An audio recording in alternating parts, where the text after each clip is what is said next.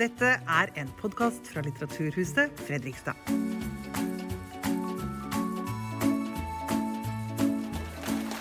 Kjære alle sammen, klokken er slagen. Eh, hjertelig velkommen eh, hit til eh, Litteraturhuset Fredrikstad. Veldig hyggelig å se så mange her i kveld, og hyggelig at dere er tilbake. Jeg heter Roy Andersen, og jeg er daglig leder her på huset. Det er ikke så veldig mange forunt, men det er noen få. Eh, noen få journalister har den eh, egenskapen at de legger merke til eh, ting vi andre kanskje ikke ser eller som andre av oss ikke tar seg tid til å se. Noen få stiller de ekstra spørsmålene som gir oss de svarene vi kanskje ikke hadde ventet. Og Dagens gjest han er sånn, han ble, og han ble faktisk journalist ved en tilfeldighet. Han er født og oppvokst uh, utafor Drammen eh, med pakistanske foreldre. Eh, og Der prøvde han seg først på en politisk karriere som det ikke ble noe særlig av. eh, og så tok han pennen fatt. Først i Stavanger Aftenblad, deretter i VG, hvor jeg hadde gleden av å jobbe sammen med ham. Og så ble det TV 2, hvor han har jobbet siden. Og vi har sett han sammen med eh, nynazister, rasister, islamister i vårt eget land.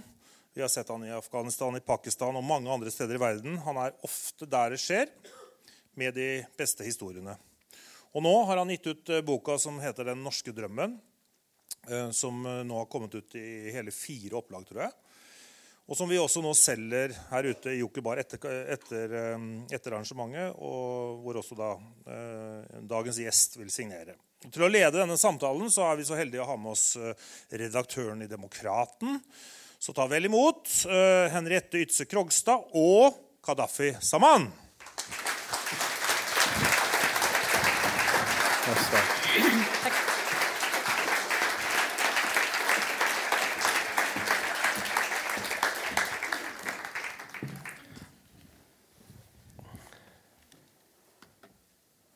Sånn får vi legge fra oss.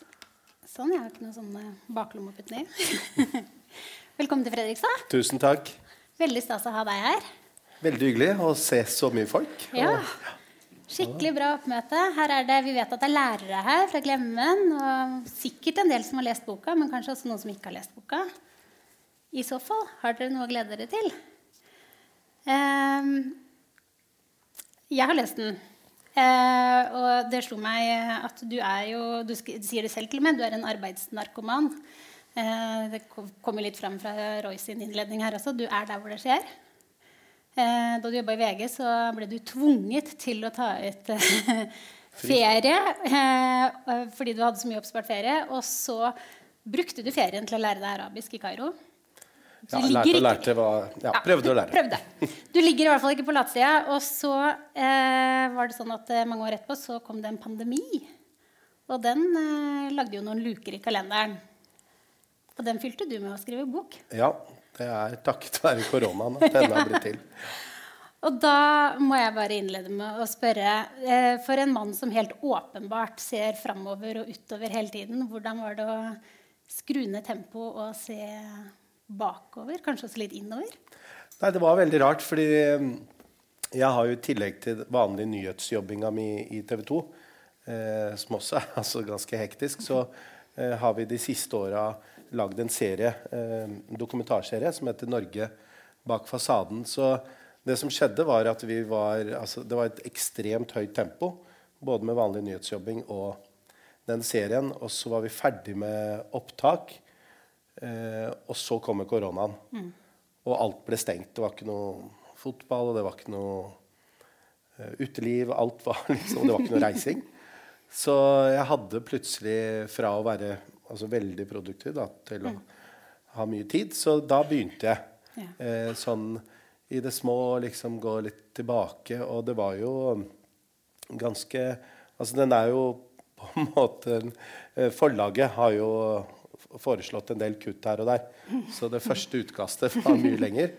Eh, Men heldigvis så eh, er dette altså Det er mye bedre. Fordi jeg bare tømte meg, egentlig. Liksom Fortalte masse historier og reiser og sånn behind the scenes-ting som vi ikke får plass til på nyhetene, men som i den Norge bak fasaden-jobbinga så fikk jeg mye feedback på at Og det er så spennende å høre hvordan eh, journalister jobber. Og hva er de etiske vurderingene, og hva er grensa, og når bruker dere skjult kamera, og når identifiserer dere folk. Så det var tydeligvis et sånt behov, eh, følte jeg, da, for å fortelle litt mer om hvordan vi jobba. Og da det jeg begynte med, var egentlig å sende en mail til alle fotografene som har vært med på tur. Vi er jo alltid to. Og ba de om innspill. Og de hadde jo masse på hjertet, og de huska ting som jeg ikke huska. Og, og så gikk jeg gjennom e-posten. og- Så det var eh, mye jobb, da. Men jeg hadde, hadde jo mye tid. Du hadde mye tid. Eh, og tid til å se litt tilbake. Og den, eh, du ser tilbake på Du har liksom to jubileer her, fordi det er 20 år som journalist. Og så er det eh, på mange år også 50 år med historien til den norske Eller den pakistanske arbeidsinnvandringen til Norge. Eh, som du på en måte personifiserer ved historien om, om foreldrene dine som kom hit. Ja, for det som skjedde var at når jeg begynte med disse journalisthistoriene og begynte å samle de opp, så tenkte jeg jo at jøss, det hadde jo ikke blitt noen historier og bok eller Jeg hadde ikke sittet her hvis ikke de hadde flytta til Norge for 50 år siden. Så da, på et eller annet tidspunkt, så bare la jeg det vekk. Og eh, satte meg ned med mor og far med en båndopptaker i mange, mange timer og spurte de. Hvorfor kom dere? Hvordan kom dere? Hvordan var møtet med Norge? Så, sånn sett så er det Starten er jo der, da. Eh, På en måte i, i Pakistan. Mm. Mor og far fikk eh, møte journalisten Gaddafi, rett og slett. Ja. Ja. Jeg var snill med dem, da. Ja, men Det er hyggelig. Det er godt å høre. Eh, og det er heller ikke overraskende, fordi det eh, er veldig tydelig i boka at du er stolt av dem, og stolt også av pakistanerne. Og jeg synes jo, før vi skal gå inn i mye av det andre så hadde jeg selvfølgelig lyst til å be deg lese et lite avsnitt fra boka. Eh, nettopp i anledning av at vi i helgen jo har feiret eh, pakistanerne i Norge. Eller i Oslo, i hvert fall. Har de gjort det? Eh, på fredag var faktisk eh, Hadia Tajik eh, ledet statsråd. Kongen. Eh, så dette er en liten, eh, en liten hyllest til alle de som kom. Hvis du har lyst selv. Fra Ja. der hvor jeg sier 'far' der øverst Der, over ja. kapitlet. Og til, til hit? Nei, eller til Til- neste. Mm. Ja. Vent, jeg mine. ja. Far ble norsk statsborger i 1979 og mor noen år senere. Begge snakker om gamle dager med stolthet. De forteller om plutselige bekjentskaper. Om folk som stopper dem på gata og spurte hvor de kom fra. Noen ville kjenne på håret, andre ta på den brune huden. Pappa husker spesielt godt den gangen en nyankommen pakistaner var på besøk hos dem. Han kom ut fra badet og sa at det rant vann ut av telefonen. Stakkaren hadde aldri sett et dusjhåndtak før. En annen hengte opp røde sløyfer på stolper for å se hvor han skulle gå av trikken. Mannen var analfabet og kunne ikke lese skilt. Det gikk greit helt til en fra teknisk etat fjernet sløyfene. En annen luring hadde funnet en bondegård og slakta masse kylling. Endelig skulle han kose seg med halalkjøtt. Han la kyllingen i varmt vann i badekaret for enklere å få nappa av fjærene. Stanken spredde seg i hele blokka, han måtte love borettslaget å aldri gjøre det igjen. Foreldrene mine blir rørt når de tenker på de gode norske naboene. De husker ikke en eneste vond opplevelse. Ingen rasisme, ingen fordommer. Bare masse nysgjerrighet og hjelpsomme folk. Like varmt snakker de om de indiske familiene som kom på 70-tallet. De ble venner for livet og støtta hverandre. Om du var muslim, sikh eller hindu, hadde ingen betydning. Alle var de innvandrere i et nytt land som ønska dem velkommen med åpne armer. Et land de har vært med på å bygge. De vet hva det er å stå på dag og natt. De vet også hva det er å ofre seg. Ikke kjøpte de dyre klær, ikke gikk de på restauranter, og ikke hadde de ferie. Med tanke på at de fleste som kom, var fra bygda, vil jeg påstå at de klarte seg overraskende bra. Far var med på å danne den første pakistanske foreningen i Norge. I 1976 ble han valgt til nestleder i det som het Pakistan Welfare Union, Norges første innvandrerorganisasjon. I dag er barna og barnebarna av tøffingene som kom fra Punjab, en naturlig del av Norge. Det er synlig på alle nivåer i samfunnet, fra soldater til statsråder. På denne klassereisen fra en generasjon til den neste har det også vært mye smerte. Det vet jeg godt, for jeg har laga mange nyhetssaker om alt fra tvangsekteskap til æresdrap. Samtidig er min personlige erfaring at det store bildet er positivt, at vi går i riktig retning.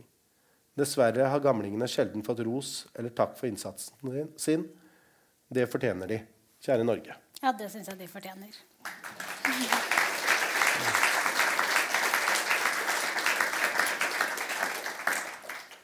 Du nevner jo her en eh, klassereise, men faren din eh, tok jo det du beskriver eh, som en omvendt klassereise. Han kom hit uten så mye mer enn seg selv og starta jobb med en gang med å sortere flasker. Eh, men han var en statsviter. Ja. En universitetsutdannet statsviter. Ja, For meg så har det vært egentlig en veldig lærerik prosess eh, å snakke med dem om altså, masse detaljer som ikke jeg visste. Eh, for det som var, i hvert fall med, med far, var at han kom fra en jordeierfamilie hvor de hadde det ganske greit. De eide mye av jorda i den landsbyen. Og så bestefar hadde råd til å sende i hvert fall sønnene sine eh, på skole. Begge sønnene sine. Så de ble sendt til skole i storbyen. Og han eh, betalte på en måte for det ved å selge litt av jorda si. Så han ene ble ingeniør, og den andre ble statsviter. Og ingeniøren fikk jobb med en gang, mens eh, statsviteren ikke fikk jobb. Det var ikke det Pakistan trengte på, på 60-tallet. Landet skulle bygges. De hadde jo fått uavhengighet fra britene eh, i 47.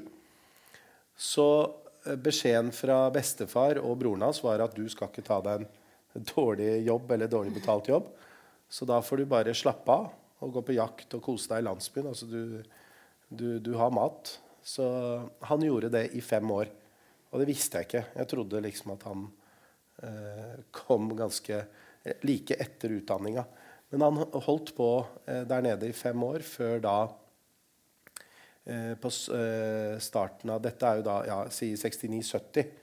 Så begynte det å komme en del folk eh, til Danmark og Norge som arbeidsinnvandrere. Og de skrev brev hjem og fortalte at her er det kjempefint, og du får jobb på dagen. Eh, og du kan jobbe et par år, og så kan du reise tilbake igjen. Og han eh, ble frista av det. Han og to kompiser fra denne lille landsbyen. De hadde også utdanning. Så de overtalte foreldra sine om at eh, la oss dra. Og vi lover å komme tilbake igjen. Dette blir ikke noe langvarige greier. Og syns jo sikkert at det var Altså, han gjorde jo ingenting der. Eh, og dro da eh, fra Altså, det var de første De tre var de første som dro fra denne landsbyen i 1970. Og da tok de buss til Kabul. Og de syntes Kabul var kjempefint på 70-tallet og ble der litt lenger enn planlagt. Og så var det videre til Teheran, som også var en fin by. Og var der ganske lenge. Og så var det Istanbul. Og for, det var en skikkelig guttetur, så han har, han, fortalt, han har ikke fortalt så mye om hvorfor det var så gøy i de tre byene. Så det er noen sånn hull i historien der. Ja. Og siden mor satt ved siden av, så kunne jeg liksom ikke bore. Eh, og etter hvert så havner de da i Nord-Europa. Og på den tida så var det sånn at hvis du da hadde et arbeidsbrev, så fikk du jobb på dagen. Work letter kalte de det. Så de to kompisene hans hadde fiksa det i København. Så de drar da fra Tyskland og til København. Mens han kommer til Oslo. Og kommer på en fredag og får jobb på en mandag. På Nora fabrikk, het det. Hvor, hvor eh, han da skulle sortere flasker. Så jeg spurte han om det. da, ja, Hva syns bestefar om dette? Det var jo ikke akkurat en eh, bra jobb. Og da var det sånn at ja, bestefar var jo ikke her. Så han så ikke hva han drev med. Alle som har vært i utlandet uten foreldre, vet hvordan det er. Ja, mm. Så han skrev i brev hjemme at her var det kjempefint, og jeg har fått jobb, og jeg tjener mm. penger, og ikke sant. Så han dekka vel litt over det han egentlig gjorde. Mm. Eh, og det ble starten i, i, Norge, i et lite pensjonat mm. hvor de var eh, De var fire gutter, eller fire menn, unge menn som ikke fikk lov til å lage varm mat i dette pensjonatet. Mm. Så han eh, forteller jo at det nærmeste, eller det de fant fram til, som hadde litt smak òg, for de kom jo liksom fra et ganske smakfullt kjøkken, så var det makrell i tomat. som, uh, som han liker fortsatt.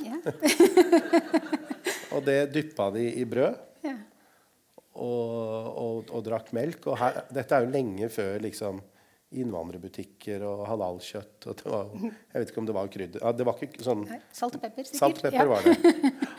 Så, men de klaga ikke. Det var eh, jobb sju dager i uka. Og, og der også er det noen hull. Altså, jeg tror de koste seg og hadde det veldig gøy. Men, eh, og stortrivdes, egentlig. Ja. Du forteller jo også om eh, begge bestefedrene dine med stolthet. Eh, farfaren din han var et slags helt eh, der hvor han bodde. Han hjalp bl.a. en sikh-familie ut av landsbyen eh, da India ble delt i 1947.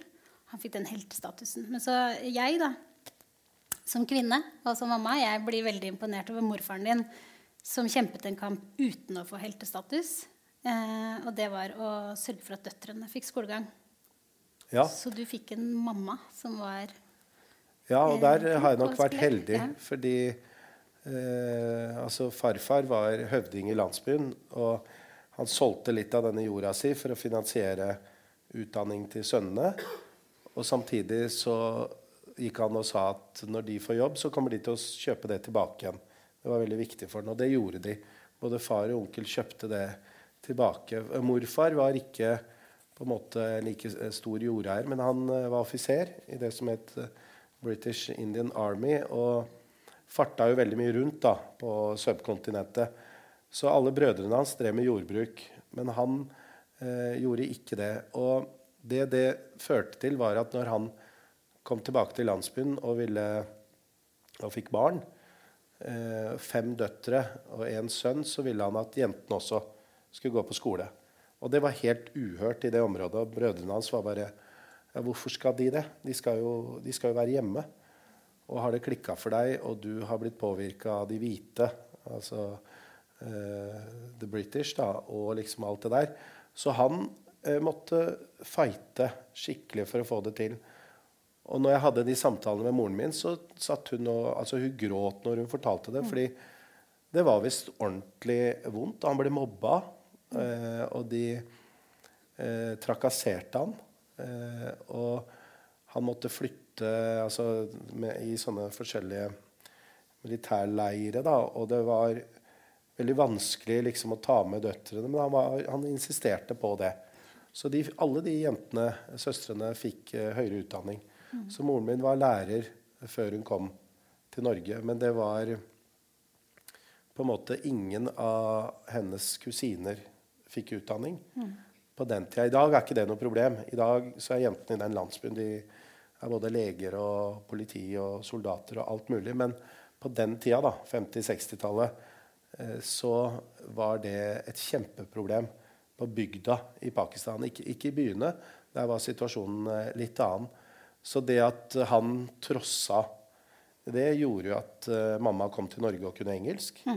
Ikke sant? Og fikk et helt annet møte med Norge da, enn mange av de andre som kom, som kanskje var analfabeter eller ikke hadde gått på skole. Så du har da denne eh, kloke mammaen og eh, arbeidsomme, i hvert fall etter hvert, faren. Og er eh, et eh, slags produkt av denne arbeidsinnvandringen til Norge. Du sier at du har ikke følt på noen kulturell spagat mellom Pakistan og Norge. Du er på en måte begge deler, helt og fullt. Du har heller ikke opplevd rasisme. Nei, altså Og det er helt Altså, jeg har opplevd rasisme eller trakassering og sånt som, i voksen alder som TV 2-reporter. Hvis jeg har gått live, så er det noen som har sagt 'muslimjævel' eller et eller annet sånt. Men i oppveksten så var det ingenting. Vi bodde eh, eh, utafor Drammen, i en liten kommune som heter Lier. Og hvor eh, vi, eh, altså meg og broren min, spilte fotball. Søstera mi var i korps. Eh, og det var på en måte ikke staten som sto for noe sånn eh, integreringspakke eller introduksjonsprogram. Så når mamma eh, og pappa flytta i disse Det var blokker, da. Og det var nesten bare småbarnsfamilier. Så var det der hun på en måte lærte ja, vet du hva, Hvis du skal bo her ute i Lier, så må du i hvert fall ha førerkort. Og det var jo et kjempetips, for det er litt utafor alt mulig annet. Kanskje må bo i rådet, vel, omtrent. Ja. Og du, hvis du liksom skal Hvis ungene skal ha nye ski og fotballsko, og, så må du ha jobb. Ikke sant? Og det, det var ikke Lier kommune som sto for det. Og det var nabodamene. Eh, så sånn sett så var det et veldig varmt møte med det lokalmiljøet, hvor de, altså mor og far, opplevde ingenting. Og når vi vokste opp òg, så eh, Og det tenkte jeg mye på og spurte søstrene mine og, og mamma og pappa liksom, var det noen Og det var ikke det. Det, det verste jeg husker, var liksom at det var en eller annen som sa brunost. Og da sa jeg hvitost. Ellers så var det som alle andre. De var med på dugnader og kjørte oss til trening. Og vi var liksom en Og vi var jo den første innvandrerfamilien i eh, den kommunen og det lille tettstedet. Og så kom det jo eh, etter hvert, eh, mange år etterpå, noen familier fra Vietnam. Båtflyktninger etter hvert fra Iran og litt sånn andre land. Og det ble liksom litt mer fargerikt. Men i starten så var det helt fantastisk. Og jeg bor der fortsatt. Og det som var dealen, da, var at mor og far var ganske strenge på at hjemme så skal du snakke urdu, og du skal kunne morsmålet. Mens ute så kan du liksom snakke norsk, og det, det var jo ikke noe alternativ. Så sånn sett så fikk vi, oss, fikk vi med oss begge kulturene. Men det som var på en måte vi sleit litt i oppveksten, var Eller de hadde en drøm om å reise tilbake igjen. Så far hadde hele tiden liksom, Han hadde jo lovet sine foreldre at dette skulle være midlertidig. Og Norge trodde det var midlertidig. De, de ble kalt for gjestearbeidere. Og fremmedarbeidere. Så det var ingen som trodde at dette skulle være permanent. Kanskje litt sånn som vi tror om uh, en del østeuropeere nå. Folk fra Polen og Litauen. De kommer hit, skal jobbe, og så drar de. Nei, det er ikke sikkert, det. altså. Så det, det det førte til, var at det var hele tiden en sånn De hadde en sånn eh, tanke om å bygge ting i Pakistan. ikke sant, Reise tilbake. Men vi tok ikke så stor skade av det. Mange andre gjorde det. Jeg har jo laget mange saker om på en måte hvor folk har virkelig bodd ganske dårlig her og bygd svære palasser der nede. Det er jo resultat av en sånn tankegang. Men de, eh, men de hadde ikke den, fordi når mor kom, så hadde far sørga for en hybel med, på 10 kvadrat, hvor det var to tallerkener og to glass og en kjele. Hun husker disse detaljene ganske Det er godt. Søt historie. Ja, og han henta henne fra Fornebu, hvor han hadde tatt noen kvister fra en hekk. Hvor han sto liksom Det var den romantikken han hadde råd til på den tida. Eh, og ønska henne velkommen. Og så avanserte de jo. De sparte penger, og lille hybelen ble til ettroms og toroms og treroms og rekkehus og enebolig. Og, så de, de gikk på ma mange måter disse gradene da, i det lokalmiljøet, men uh, uten noen Altså, det var, eh, det var så og, det er en sånn rød tråd i den boka at fordi som journalist så har jeg jo laget, eller lager, bare saker om samfunnets skyggesider. Ikke sant? Alt det som ikke er bra. Og det har vært viktig å understreke at for de fleste så tror jeg møtet med Norge har vært veldig positivt. At eh, ikke sant? Han kom på fredag, begynte å jobbe på mandag, og det var så mange muligheter. da. Ja. At det var et raust og inkluderende samfunn som i hvert fall de møtte. Så er ikke det virkeligheten for alle, selvsagt, men eh, det er iallfall min historie. ja. Og det er også en viktig historie å få fram. Den fine. Ja, den for, fordi jeg tenker det og, konstruktive. ja, Ja. Og, og, Men vi trenger liksom alle disse historiene. Og sånn sett så er jo Abid Rajas bok kjempeviktig. fordi den viser at for noen så har det vært et helvete med sosial kontroll og tvangsekteskap og vold og mishandling og mye rart, og ikke minst rasisme. Mens for andre så har Norge vært eh, altså et eventyr. Eh, men selv om du ikke sto i spagaten, så har du jobba litt med å finne merkelapper på deg selv. Vi har en norsk pakistaner, vi har muslimsk sosialdemokrat, vi har brun nordmann, og vi har Gaddafi fra Lier. Du har vært litt rundt omkring, Men det er én merkelapp som jeg skjønner at du er kjempefornøyd med. Journalist. Ja, Ja. Det er, eh, den er sterkt knyttet til din identitet, å være journalist. Ja, det er det, altså. Ja. Og, og, og det litt sånn Kadafi fra Lier tok jo også tid. Mm. Og nå er det jo av og til noen som spør ikke sant? Ja, hvor er du fra? Jeg er fra Lier. Mm. Å ja, men opprinnelig, da? Ja, opprinnelig er jeg født i Drammen. Og da Og det sier jeg jo bare for å Erte kød, kød, kødde litt. Og da er det sånn Å ja, ja, men uh, mor og far, da? Nei, før Drammen så bodde de i Heggedal. Ikke sant? Så, men det er, det er veldig sånn individuelt. Jeg har jo venner som sier de er pakistanere, og jeg også har vært på en sånn eh, okay, Fordi samfunnet har ofte et sånt behov for å sette folk i bås. Men nå når jeg har vært reporter i 20 år, så er jo liksom journalisten Kadafi er jo på en måte veldig Ja, det, det er Ja. Og før journalisten Gaddafi så var det litt bartender Gaddafi, det var eh, eh, ingeniørstudent, det var litt politiker. Eh, Ja. Jobbet i psykiatrien. Eh, Ja. Erfaringer som også er viktig å ha med seg som journalist, vil jeg tro. Vet du hva, veldig viktig, og, og den boka handler om det, altså livets tilfeldigheter. For det første at mor og far kommer til dette landet. Eh, hvis ikke så hadde jo ikke jeg sittet her.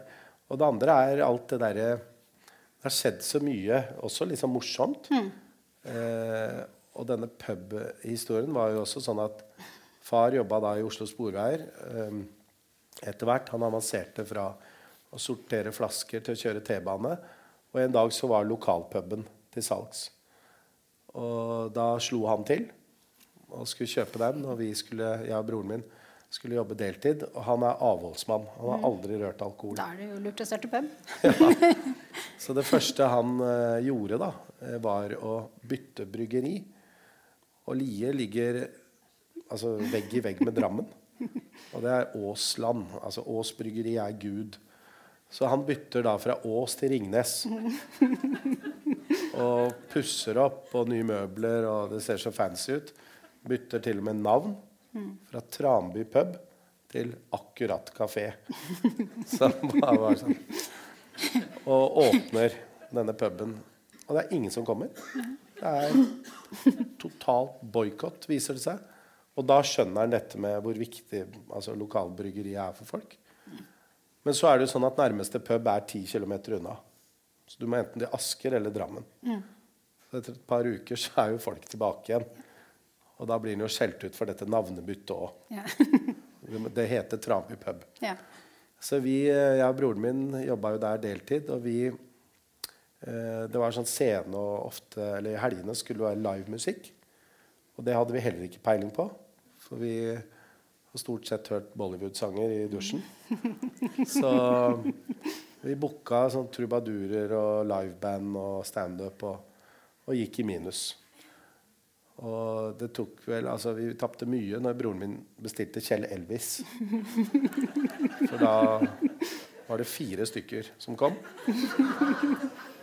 Og ja, broren min var to av de. Så, Ja. og da sa vel far at vet du hva, dette her er Bedre Det er ikke bra. Ja.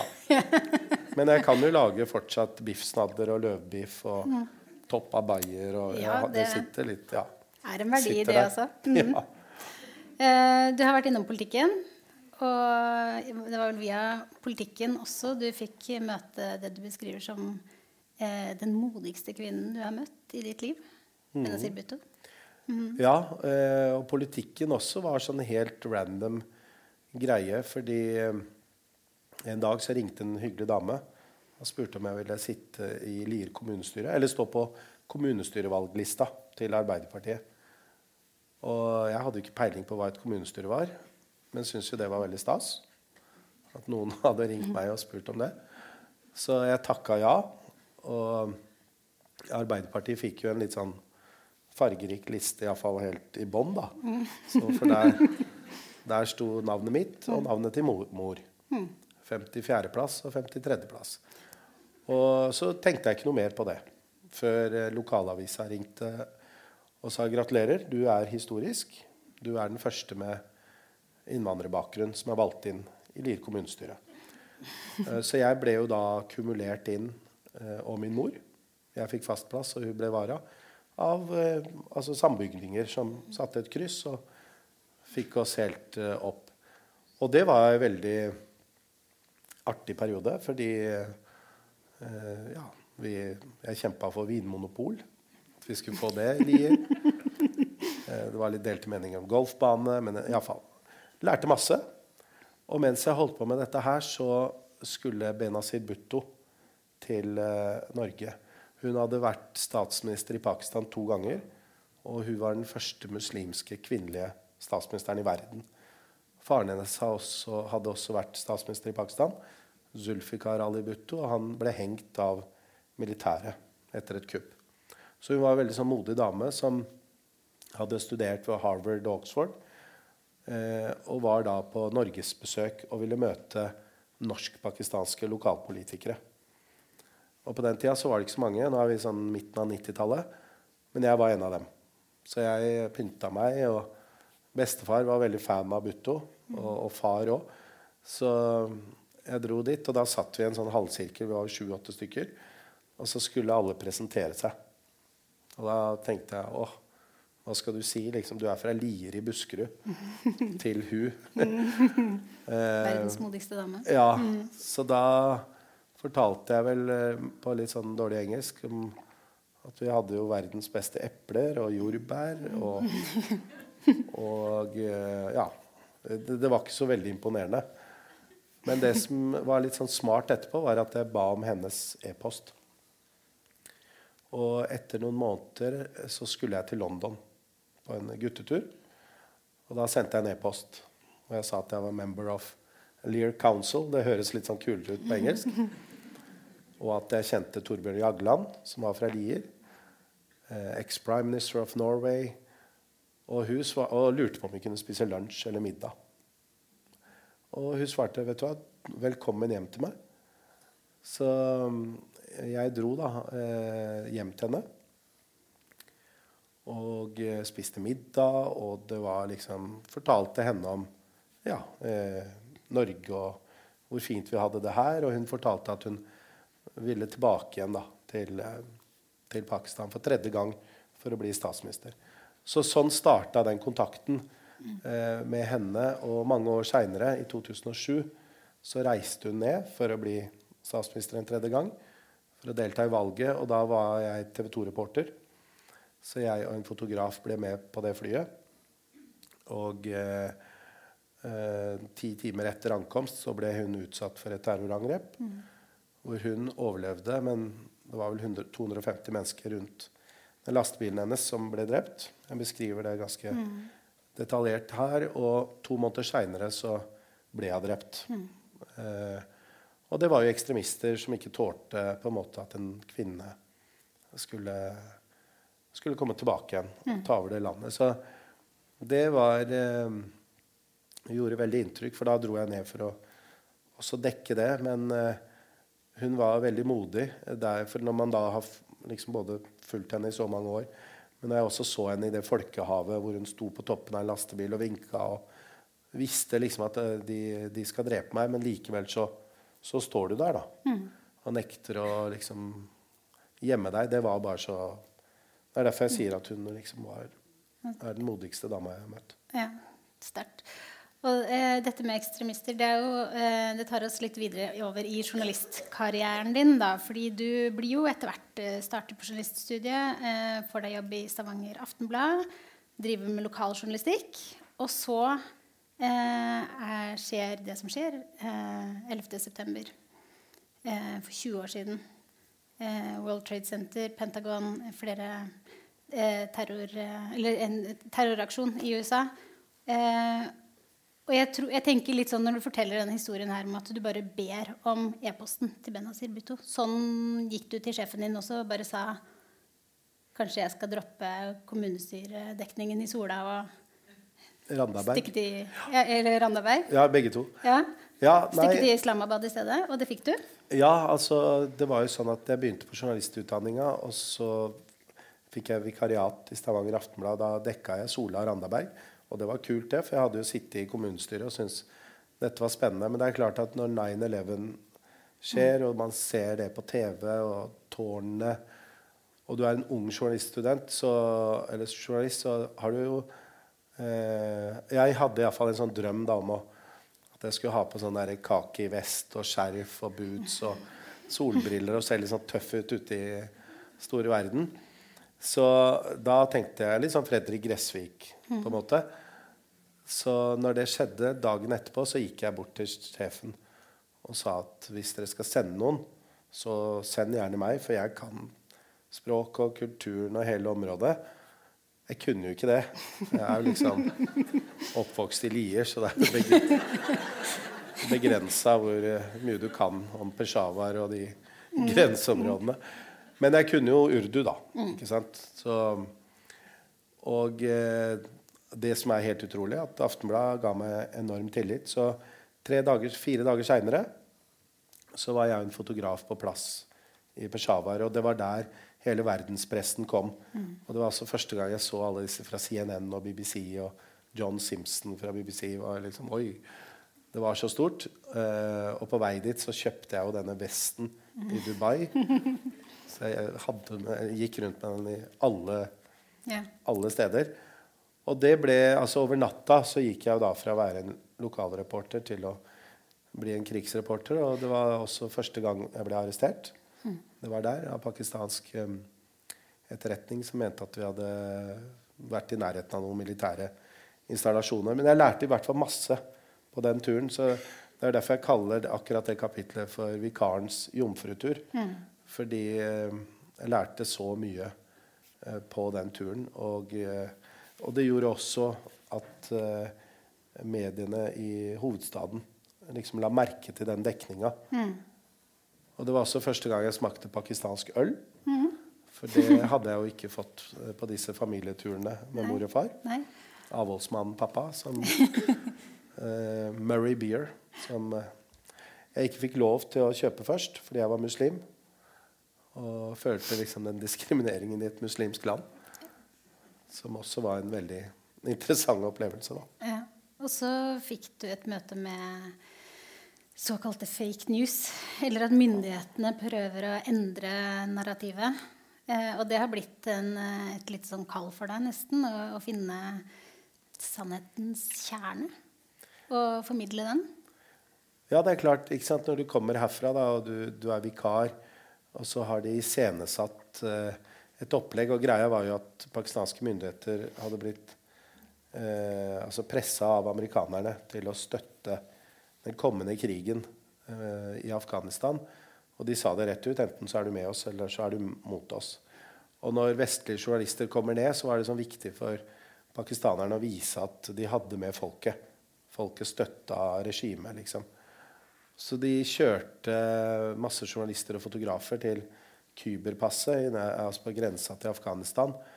Og hvor det liksom var en liten landsby folk gikk rundt, og ungene snakka engelsk, og alle snakka engelsk. De var liksom sånn Jøss, det, eh, det, det var så fake. Mm. Og der var det jo noen som gikk rundt og intervjua de. Og det var jo det de ville at vi skulle intervjue dem, og de skulle si ja, Musharraf, som da var eh, president i Pakistan på den tida, at det er helt riktig, og vi må støtte amerikanerne. Og. Så de eh, vi bare, Alle skjønte jo at dette var bare tull. Så vi stakk derfra. Eh, og når vi da hadde kjørt et stykke, så stoppa vi ved en random landsby. Og der møtte vi jo ordentlige folk. Og det var et enormt raseri mot USA. Eh, støtte til Taliban. Ikke sant? Og hvor du virkelig fikk føle det ekte, da. Eh, så Sånn sett så kan man si at det, nå, har, nå har jeg jo lært, på en måte. Men det er jo sånt som skjer hele tiden. Det skjer jo fortsatt. Når man drar til et sted, så prøver spesielt myndigheter som ikke liker pressen, å iscenesette mm. sånne type ting. Og det er jo fake news, og det er desinformasjon, og det er propaganda.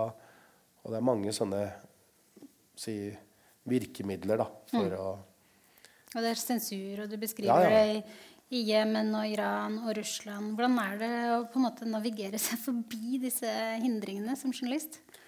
Nei, det er ekstremt slitsomt. Og sånn sett så tenker jeg at et, et vikt, viktig ting for meg er jo Vi må være så takknemlige for den pressefriheten vi har. Mm. Eh, at vi kan skrive det vi vil og si det vi vil. Iallfall stort sett. Eh, og at eh, vi har på en måte eh, medier som, og redaktører som ikke lar seg diktere av noe stat eller av noe regjering. Fordi i de landene, når vi har dratt og ja, si i Jemen, hvor vi dro da, for å lage sak på eh, Martine Wiik Magnussen, som ble drept i London, norsk student, så var det var så slitsomt. fordi da får du et menneske som skal følge deg overalt, og som er en såkalt guide, men som skal passe på at ikke du skriver noe negativt om myndighetene. Og der ble det en sånn katt og eh, hvor vi liksom All energien gikk med på å lure han. Mm. Og vi klarte jo det.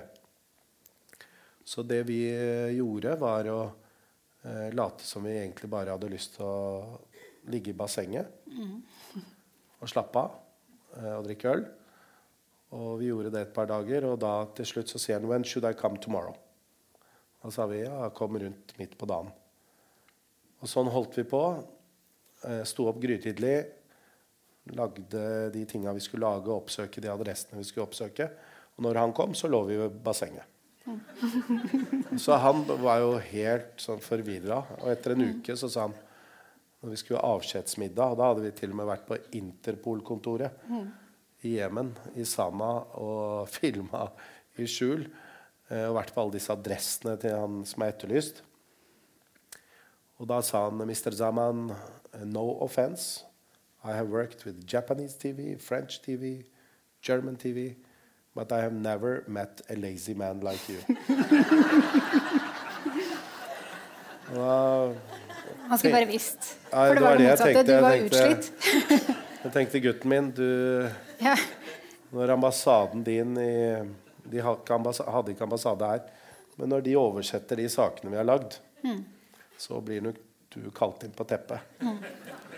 Så, Og det er virkeligheten i mange av disse landene. Hvor du blir overvåka, sensurert, og de gjør alt da for å Eller som vi var i Iran, og da får du også en sånn tolk. Og han hata, eh, sa han i hvert fall, mm. president Ahmedinejad, som var når vi var der. Og vi trodde at dette var sånn setup. Så jeg er fotograf Bjørn Roger eh, sa hele tida No, he's a great leader. He's a great Muslim leader. Han bare No, he's an asshole. He's crazy. og, og, på flyet tilbake så satt vi og tenkte Jøss, tenk om han virkelig hata han, liksom. Han må jo ha trodd at vi var Så du blir jo ganske sånn paranoid da, ja. på noen av disse turene. mm. Har liksom antennene ute hele tiden? Ja, ja, og, og, i Teheran så var det sånn at det kom en del damer bort til Bjørn Roger hele tiden. Han er en veldig kjekk fyr.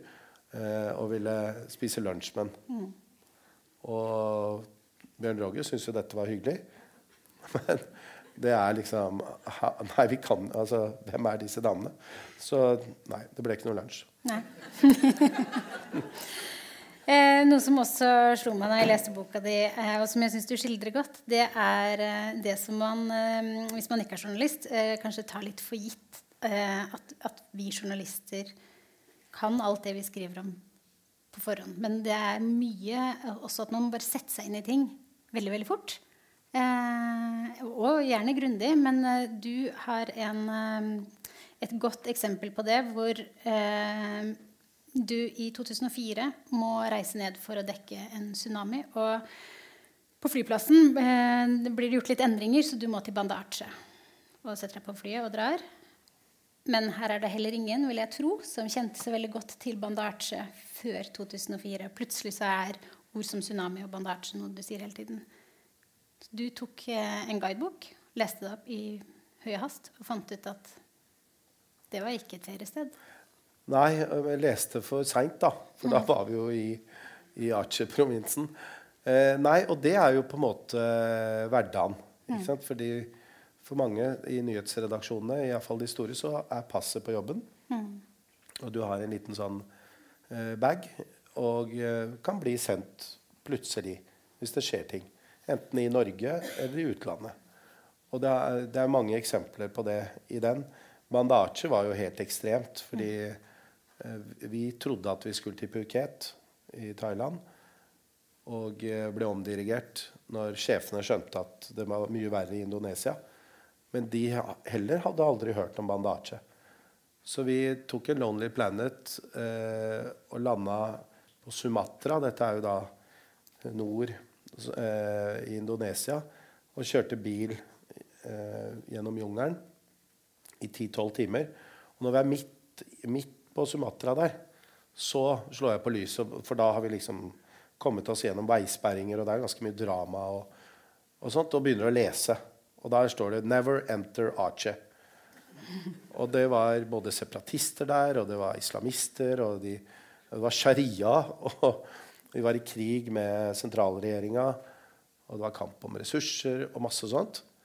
Og da skjønte vi jo liksom Oi, det, her er det ikke bare ødeleggelser som kommer til å møte oss, men det er i tillegg mye annet. Heldigvis så opplevde man jo ikke det fordi ødeleggelsene var så enorme. Det var jo mer enn 200 000 mennesker som, ble, som døde. Mm. Og det var eh, Jeg beskriver jo Banda Achi i ganske detalj, fordi det er sånn ting som du liksom Det er Det glemmer du aldri. Fordi det er noe du aldri, tror jeg, vil se igjen. Nei. Det er eh, Jeg vil si det er det for meg i hvert fall, som mor, det kapitlet som, som var tyngst å lese. Det er noen uh, grufulle historier der. Ja. Om mødre som tviholder på barna sine helt inn i døden. Ja, og det var mm. helt jævlig. Og, uh, for jeg husker jo når vi hadde liksom dekka dette, og bandasje var sånn at det var lik så langt øyet kunne se. Det er som om hele Fredrikstad er borte, og det er bare det er ikke noe som står. Alt er smadra, og det er bare døde mennesker. Og de er oppblåst pga. sol og vann. Eh, og når vi da kom tilbake igjen til eh, Medan, denne byen, da Og etter hvert eh, så sier sjefene at For da hadde vi mista både jul og nyttårsaften. Dette skjedde i jula. Så fikk vi tilbud om å dra til Bangkok for å slappe av på et veldig sånn fint hotell, luksushotell, Shangri-La. Alle disse teamene til VG.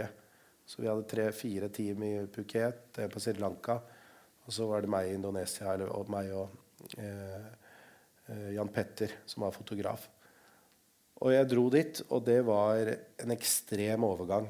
For da har du vært i et område hvor det ikke er vann, mat, det er død. Og de som overlever, vil ikke leve, for de har mista alle slektningene. Og så står vi da i, i, i, ved buffeen i Shangri-La. Og det var så liksom ekstremt, så jeg klarte ikke det. Så vi sjekka ut etter en natt og dro egentlig til Pakistan. For da var mor og far i, i landsbyen til pappa. da. Mm. Og fikk en litt sånn smoothere overgang.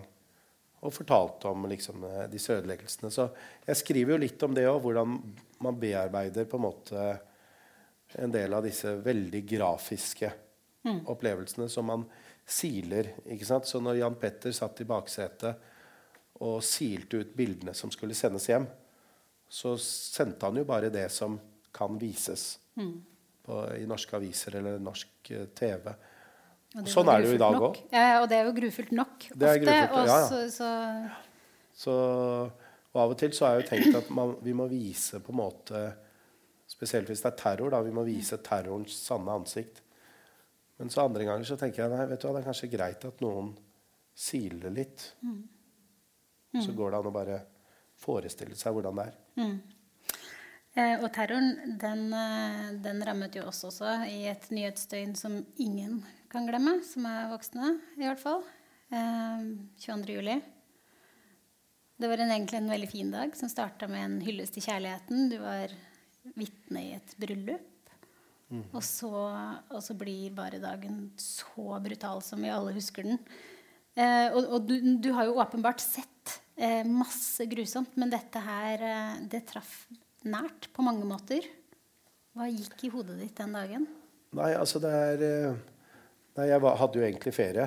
Og så ringte jeg inn til sjefen etter, etter bomben i regjeringskvartalet. og da var det jo sånn at alle liksom, TV 2s ressurser, alle medier egentlig, jo, mm. ble jo satt på. Så jeg kom jo også inn. Og eh, det første jeg gjorde, var jo å gå rundt i regjeringskvartalet og prøve å samle videoopptak, eh, eller mobilopptak fra folk. Og det, var, det, kunne ikke vises. Hadde, noen hadde gått altfor tett på, og det var liksom Så jeg kommer tilbake igjen på TV 2-huset, og der, mens vi er der, så kommer politiet og, evakuerer TV 2, som da var midt på Karl Johan, fordi de trodde at det var bombe eh, i TV 2-huset. Så vi må ut, og når vi står på gata, så begynner de første meldingene om Utøya å komme. Skyting på Utøya. Og de første minuttene tok vi det liksom OK, vi kan ikke prioritere skyting når regjeringskvartalet har gått i lufta. Mm. Og så bare rant det inn med meldinger og telefoner om at det er masseskyting. Og at det er politiet som skyter. Og da fikk jeg beskjed om å liksom kjøre i den retningen. Og jeg har jo jobba mye med krim i mange år, men det er klart at når vi da kjører, og det er ambulanse etter ambulanse som passerer deg Jeg tror jeg telte 50. Mm uh, eh, utafor Oslo. Og det, det, var så Det var helt sånn uh, veldig ekkelt. Og alle de kildene som jeg har, enten det er i politi eller andre steder, de var ingen som tok telefonen. Så vi visste jo like lite som alle andre. Mm. Og da var det sånn at uh, på et eller annet tidspunkt så ringer sjefen, og så sier han at har du skuddsikker vest? Og vi har det på jobben. Uh, ofte, Som regel så bruker vi jo det i, i utlandet. Men, uh, og da sa jeg nei, det ligger jo på huset, og huset var jo evakuert. Mm. TV 2 mm. Vi fikk ikke gå inn dit. Og så sier han OK. Og når vi da har passert Sandvika, så ringer han igjen. Du må ha skuddsikker vest fordi det er politifolk som skyter, og det er massedrap. Og, og vi visste jo ikke hvor langt vi ville komme. Og det var uh, veldig sånn Oi. Og ringer, så ringer han tredje gang og sier at nå må du låne vest av politiet. Mm. Og da sier jeg at jeg tror de trenger nok den vesten sjøl. Mm. Så vi får nok ikke lånt den. Og da ble jeg veldig sånn redd. Mm. Så jeg ringte broren min, som eh, er, altså var hjemme i Lier. Og pga. litt sånn høyt trusselbilde over år, da, pga. dekning av litt sånn ekstreme miljøer og kriminelle miljøer, så hadde jeg en vest under senga. Og da sa jeg til han at kan ikke du ta den vesten, og så kjører du i retning Utøya. Eh, men vi kommer jo ikke lenger enn til Sollihøgda. Og i luftlinje så er det noen kilometer ned til Utøya. Og der, når vi står der, så begynner vi å gå live. Begynner å rapportere på nyhetskanalen. Og da er klokka litt over seks. Så han har fortsatt en halvtime igjen hvor han skyter. Og det jeg husker som, og Da ringte jeg broren min så sa jeg du kan bare snu. Jeg trenger ikke vest. Men det som var på en måte så veldig Som jeg aldri glemmer fra den dagen, eller fra de timene der, det er jo de pårørende som kommer. De kommer jo ikke lenger, de heller. Mm. Og folk kommer ut, og det er kaos, og de ser på mobiler, og de prøver å ringe. Og vi, heldigvis så var vi veldig forsiktige i den approachen. Det var ikke sånn bort med kamera og hva skjer her? Og jeg er veldig glad for det, egentlig. Og det hadde nok med erfaringa på det tidspunktet. Mm. Men jeg snakka med dem, altså uten kamera. Og det var helt uh, fryktelig. Altså, mm. Du kunne ha en mor og to mødre ved siden av hverandre. Hun ene får livstegn. Mm.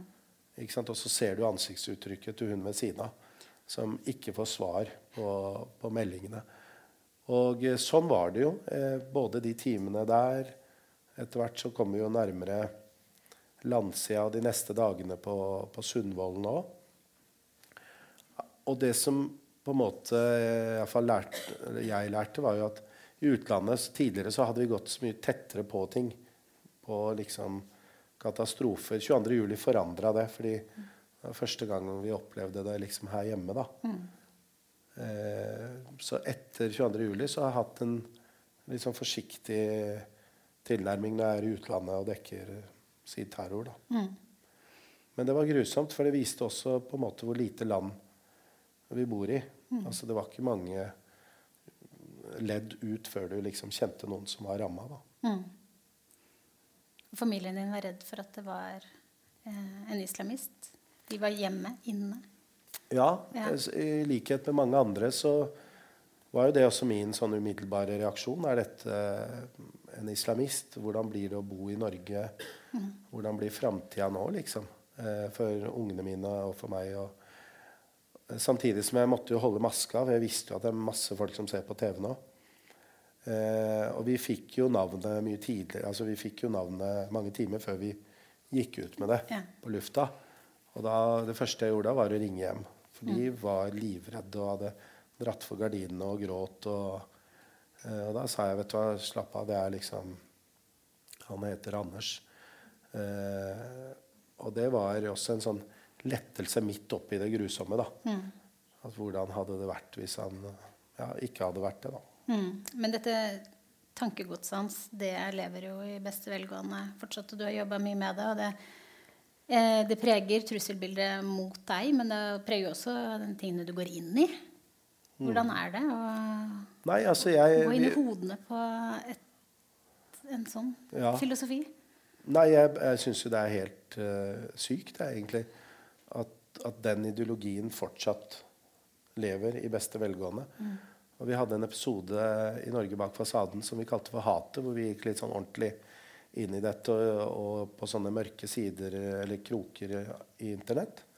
Og det er jo absurd da å se altså det norske flagget på toppen av disse massemorderrankingene, egentlig. Hvor han 22. juli-terroristen er på topp, og Philip Manshaus er der. Ikke sant? Du har to norske flagg på, sånn, eh, på disse listene, og at det er folk som hyller dem. Og jeg, har jo, jeg skriver jo om, litt sånn detaljert om trusler for første gang da, i boka. Eh, hvor det er trusler da fra disse høyreekstreme, men også fra ekstreme islamister. Mm. Altså trusler retta mot deg. Mm. Ja, ja, ja, og TV 2. Ja. Men mye mot meg. Og det eh, er sånn eh, De er på mange måter sånn samme ulla. Ja. De hater staten, og de hater samfunnet, og de hater demokratiet, og de hater pressen og, og alt det der. Og når vi da pirker borti de, eller har et flomlys på de, så er det liksom prisen. Så det også er sånn viktig for meg da, at, at norske redaksjoner eh, ikke sant? At folk forstår prisen for kritisk journalistikk. At, vi, at det faktisk har en pris da, når man lager disse sakene. Og vi var jo ganske tidlig ute. TV 2, Vi begynte å kartlegge disse i 2012. Eh, jeg er jo mannen bak navnet Terrorgata. Sorry for det. Men, i, I Fredrikstad. Så vi hadde jo på en måte litt eh, god kontroll på mange av disse. Eh, og den ideologien lever også blant de. Ja. Altså den ekstreme islamistiske ideologien. Så jeg føler det er viktig da at vi har et søkelys på alle disse miljøene. Men føler du noen gang eh, at det valget At du utsetter din egen familie for fare med det valget? Ja, altså Det var jo mye jeg ikke har fortalt dem. da. Ja. Fra, og det skriver jeg i boka. Nå er jo ungene litt store, men før så var det jo sånn at eh, Før Nyhetskanalen så så de jo ikke alt. Eh, Nå ser de jo mye, men det er masse jeg ikke har fortalt dem om eh, trusler og trusselbilde. Og, men det er klart, de har jo skjønt ting, da. Hvorfor er det liksom så mye tiltak og politibiler av og til og litt sånn. Så Eh, nå har jeg vært litt åpen om det. Men som regel så snakker jo redaksjoner eller journalister om dette internt i altså internt i TV 2 eller internt i NRK eller på journalistkonferanser. Men jeg tror det er liksom viktig at vi i en tid nå da, med alle disse konspirasjonsteoretikerne og vaksinemotstandere og fake news og alt dette her, liksom forteller litt mer om, om hva slags eh, motstand norske redaksjoner møter i Norge. At det er ikke bare det at du har regimer i utlandet som gjør jobben din vanskeligere, men at det er folk her òg som ikke vil at du skal rette et søkelys på dem. Så det er jo en del om det også i den. Ja, Og du er også stolt av den jobben som eh, journalistene gjør i Norge. Eh, skriver om det også i mm, Du er litt provosert over eh, det uttrykket 'svenske tilstander', fordi du mener at vi har ikke det i Norge. Og- Nei, altså, ja, altså det er klart Når, når vi har dekka ting da, i Rinkeby eller Rosengård i Sverige, så er det på en måte noe helt annet. Der går svenske journalister inn med vakter. Det eneste stedet jeg har hatt en vakt, er i Bagdad i Irak. Eh, og, og det er ikke Altså, vi hadde to drap i Oslo i fjor. Men så er det jo sånn at det, og det er også liksom viktig at Sverige våkna ikke opp til svenske tilstander. Det skjedde ikke sånn. Og det må man jo være på vakt mot, da. ikke sant? Og det, De siste ukene nå ser man i Oslo det er veldig mange skyteepisoder, og det er mye kniv, og det er ungdomskriminalitet, og det er ting som ikke er bra. Så det at vi snakker om det, prestene fokuserer på det, og politikerne og storsamfunnet, det gjør de ikke helt i Sverige. Der har jeg veldig sånn eh, ymse holdt jeg på å si, erfaring. De har en helt annen approach til vanskelige ting. Du tør ikke å gå inn i det, liksom? Nei. Nei. altså det, det, det er eh, merkelig. Altså, Ikke bare pressen, men også svenske politikere og, og redaktører og alt, egentlig. Så Sånn sett så føler jeg at vi tør å diskutere vanskelige ting i Norge.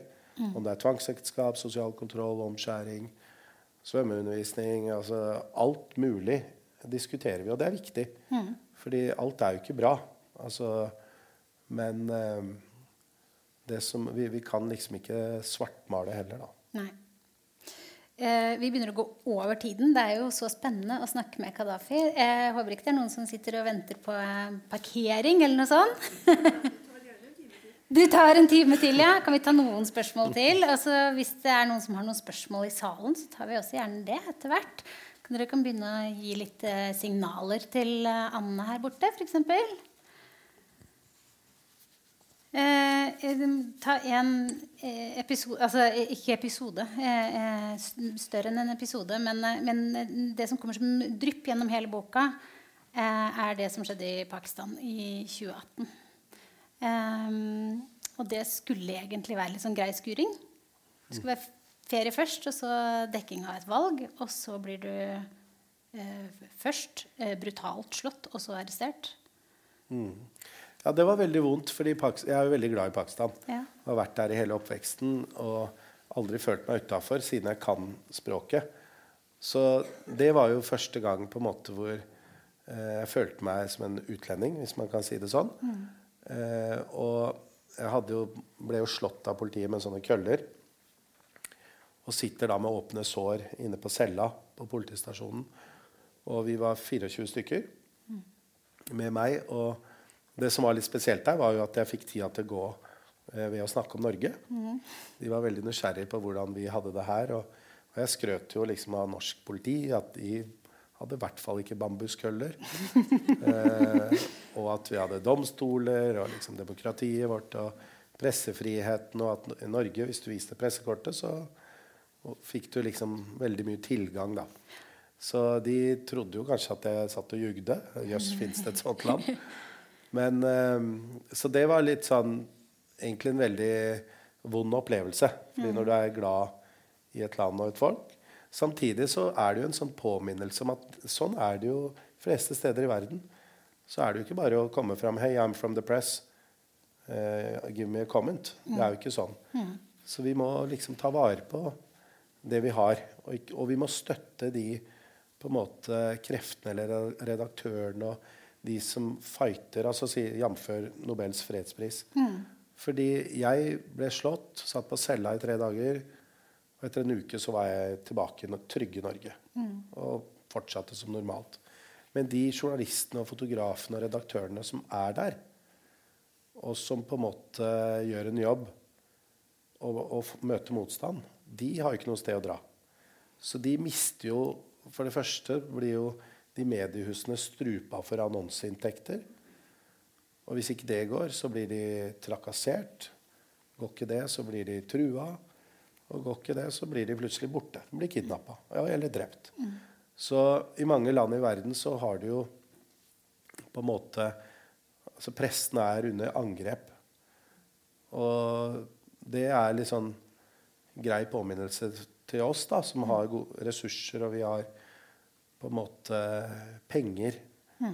At vi også støtter de som, som står opp mot, mot dette da, i andre land.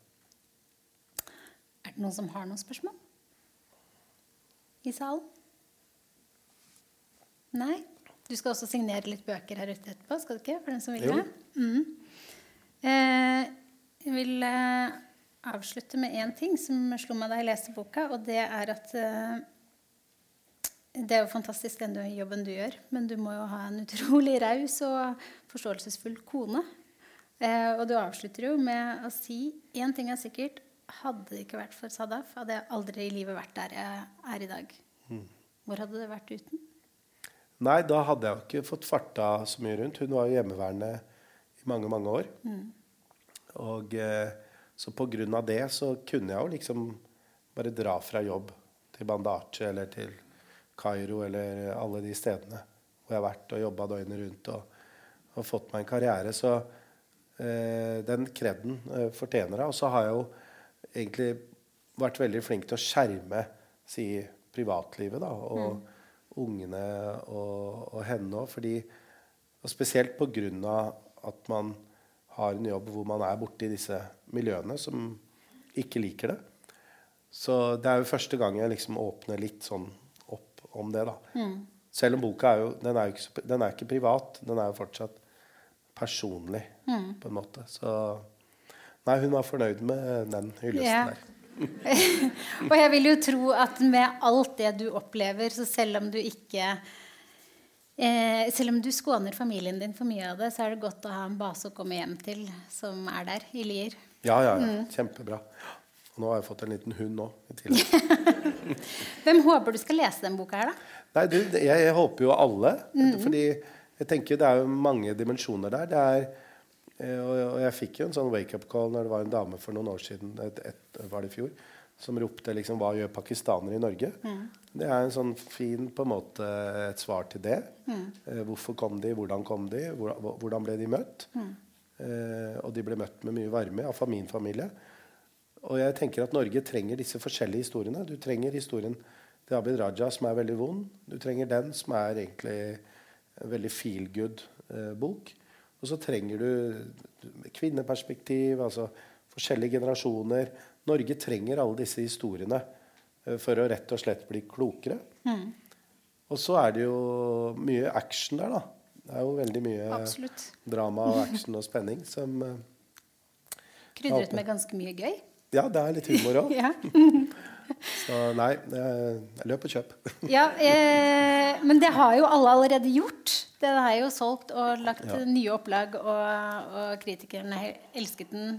Eh, kanskje liksom den beste julegavetipset, vil jeg si. da. Så tusen takk for at du kom. Takk for invitasjonen. Og takk for praten. Prek. Preken. Bokpreken. Tusen takk. tusen takk. Takk skal du ha. Du har nå hørt en podkast fra Litteraturhuset Fredrikstad.